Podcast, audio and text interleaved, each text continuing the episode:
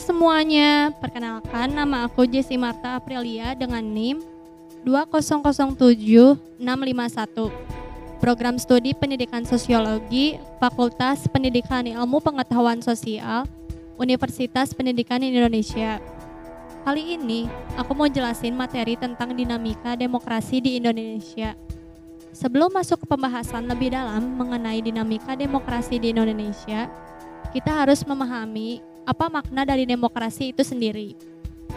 Demokrasi adalah bentuk pemerintahan di mana semua warga negaranya memiliki hak setara dalam pengambilan keputusan yang dapat mengubah hidup mereka.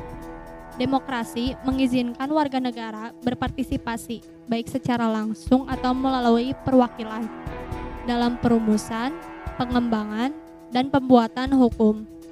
Demokrasi mengandung makna penghargaan terhadap harkat dan martabat manusia.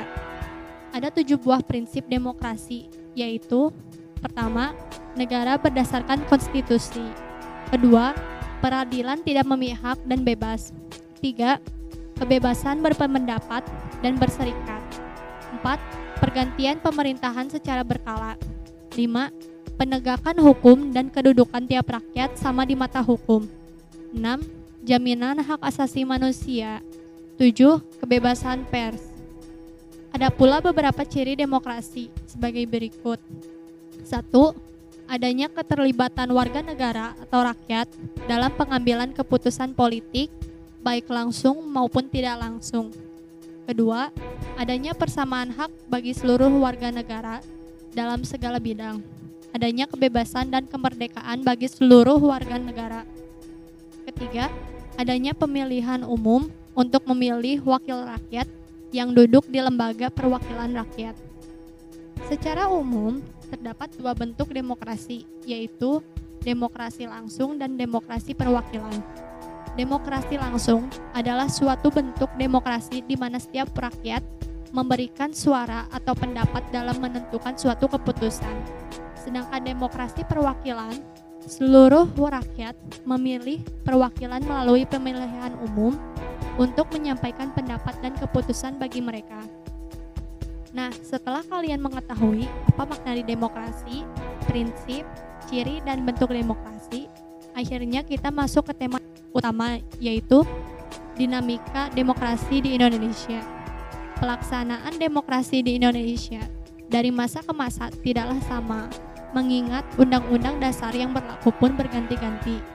Pergantian undang-undang dasar menyebabkan pergantian sistem pemerintahan. Untuk mengetahui bagaimana pelaksanaan demokrasi di Indonesia, kita perlu melihat ke sejarah perkembangan sistem demokrasi di Indonesia. Perkembangan demokrasi di Indonesia dapat dibagi dalam empat periode. Periode pertama yaitu pada tahun 1945 sampai 1959 masa demokrasi parlementer yang menonjolkan demokrasi parlemen serta partai-partai. Pada masa ini, kelemahan demokrasi parlementer mem memberi peluang untuk dominasi partai-partai politik dan DPR. Akibatnya, persatuan yang digalang selama perjuangan melawan musuh bersama menjadi kendor dan tidak dapat dibina menjadi kekuatan konstruktif sesudah kemerdekaan. Periode kedua pada tahun 1959 sampai 1965. Masa demokrasi terpemimpin yang dalam banyak aspek telah menyimpang dari demokrasi konstitusional dan lebih menampilkan beberapa aspek dari demokrasi rakyat. Masa ini lebih ditandai dengan dominasi presiden, terbatasnya peran-peran politik, perkembangan pengaruh komunis, dan peran ABRI sebagai unsur sosial politik semakin meluas periode ketiga pada tahun 1966 sampai 1998. Masa demokrasi Pancasila era Orde Baru yang merupakan demokrasi konstitusional yang menonjolkan sistem presidensial. Landasan formal periode ini adalah Pancasila, UUD 1945, dan ketetapan MPRS atau MPR dalam rangka meluruskan kembali penyelewengan terhadap UUD 1945 yaitu terjadi di masa demokrasi terpemimpin. Namun dalam perkembangannya, peran presiden semakin dominan terhadap lembaga-lembaga negara yang lain. Melihat praktek demokrasi pada masa ini, nama Pancasila hanya digunakan sebagai legitimasi politis penguasaan saat itu. sebab kenyataannya yang dilaksanakan tidak sesuai dengan nilai-nilai Pancasila.